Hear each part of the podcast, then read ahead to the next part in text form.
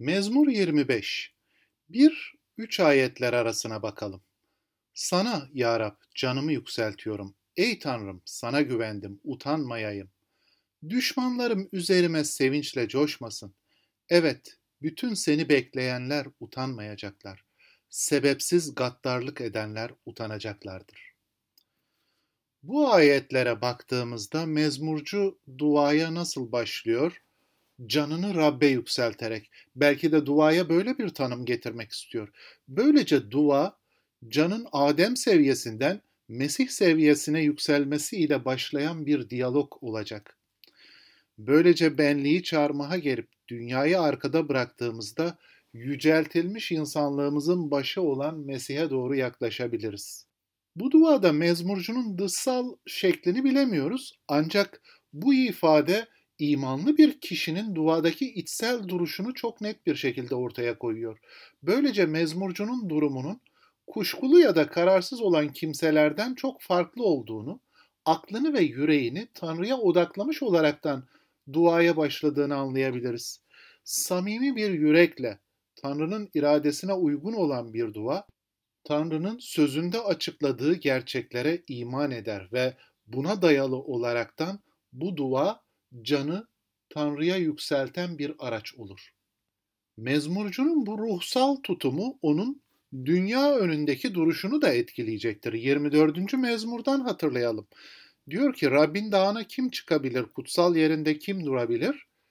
Burada ruhsal bir tutumdan bahsediyor. Sonra dönüyor diyor ki elleri pak, yüreği temiz olan, gönlünü putlara kaptırmayan, yani dünyada nasıl yaşadığımızla ilgili olaraktan bahsediyor hemen. Benzer şekilde 2. Korintiler mektubunda diyor ki, vaatlere sahip olduğumuza göre bedeni ve ruhu lekeleyen her şeyden kendimizi arındıralım, Tanrı korkusuyla kutsallıkta yetkinleşelim. Böylece duada duruşumuzu dünyasal yaşamın ortasında devam ettirdiğimizde şunu görürüz. Adem seviyesinden Mesih seviyesine doğru bir ilerleme, canımızı sürekli olarak Tanrı'ya dair güvende yenilenme ile kendini gösterecektir. İmanda ve bilgide en tecrübeli kimseler bile zaman zaman güven adımı atmakta zorlanmışlardır. Bu dua da yaşanabilecek bir güven probleminin sonundaki utanca karşı bizlere uyarmaktadır. Diyor ki Tanrı'ya güvenirsek utanmayacağız. İkinci ayete bakın. Ey Tanrım sana güvendim utanmayayım düşmanlarım üzerime sevinçle coşmasın.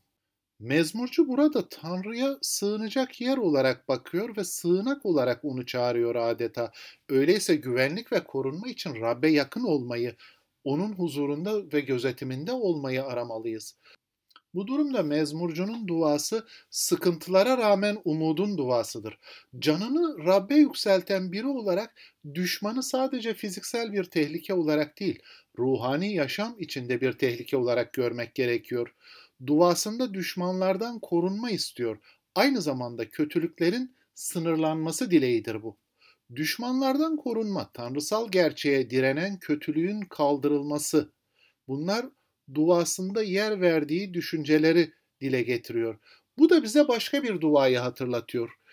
Mesih bizlere şu duayı öğretmişti. Göklerdeki babamız egemenliğin gelsin. Yani bu yakarış gözlerimizi sonsuz krallığa çeviriyor aynı zamanda. Öyleyse bu ayetlerde Tanrı'nın krallığının, egemenliğinin yerleştirildiği ve kötülüğün kaldırıldığı gelecekteki mükemmel bir zamana bakarak dua etme e, hali vardır. Devam eden yakarışta diyor ki, Rabbi bekleyenler utanmayacaklar ama sebepsiz gaddarlık edenler utanacaklardır. Mezmurcu burada düşmanları sebepsiz gaddarlık eden kimseler olarak tanımlıyor. Sıkıntı ve zorluk zamanlarında genelde bunların neden olduğu sonuçlara bakarız. Günaha sebep olan çevreye bakarız bazen ya da bizi içine düşürdüğü sonuç olan zorluk, sıkıntı bunlara bakarız. Uğradığımız haksızlığın bize getirdiği yüke bakıp düşmanların kötülüğüne odaklanırız genelde. Ancak çözümü kendimizde değil, Rab'de aramamız gerekiyor ve mezmurcu burada duasında tam da bunu yapıyor. Mevcut şartlara değil, düşmanın ne yaptığına değil, ondan nasıl kurtulacağına değil Tanrı'ya bakıyor. Sıklıkla güçlü olmak isteriz ve güçlüymüş gibi görünmeye çalışırız.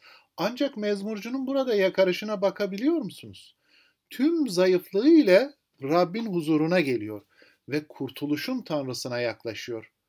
Böylece buradaki dua Tanrı'yı kurtarışın Rabbi olarak yüceltiyor. Bu ayetlerde iki kişi görüyoruz. Tanrı halkı ve Tanrı halkına düşman olan taraf yani sebepsiz gaddarlık edenler.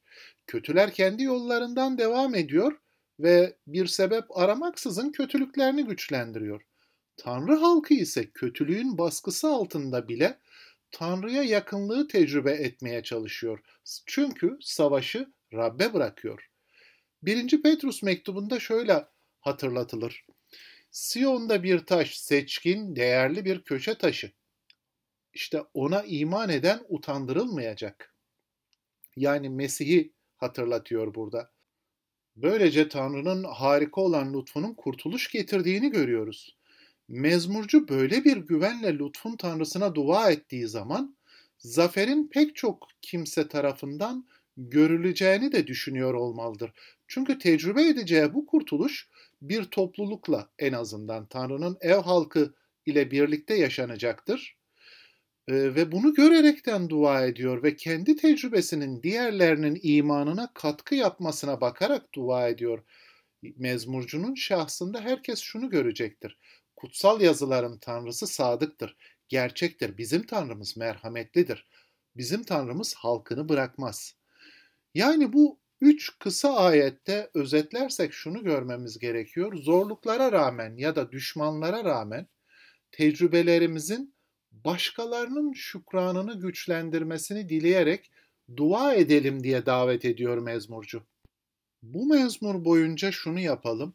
Kutsal üçlü bir bereketlemelerle, Mesih'in ruhuyla ve bu ayetlere kendi sözlerimizmiş gibi kendi yüreğimizin duası yaparaktan birlikte dua edip yaşamlarımızı ve bulunduğumuz zamanı bereketleyelim.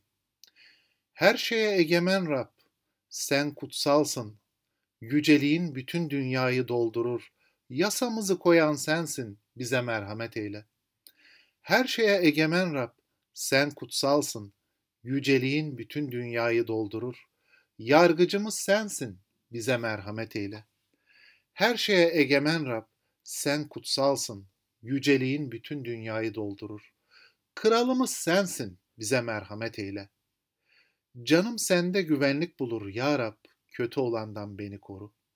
Canımı koru, kurtar beni. Hayal kırıklığına uğratma çünkü sana sığınıyorum.